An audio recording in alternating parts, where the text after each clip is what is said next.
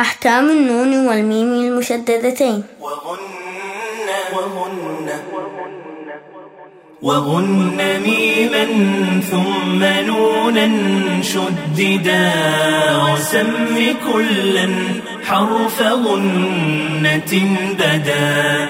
وغن ميما ثم نونا شددا وسم كلا حرف غنة بدا وغن ميما ثم نونا شددا وسم كلا حرف غنة بدا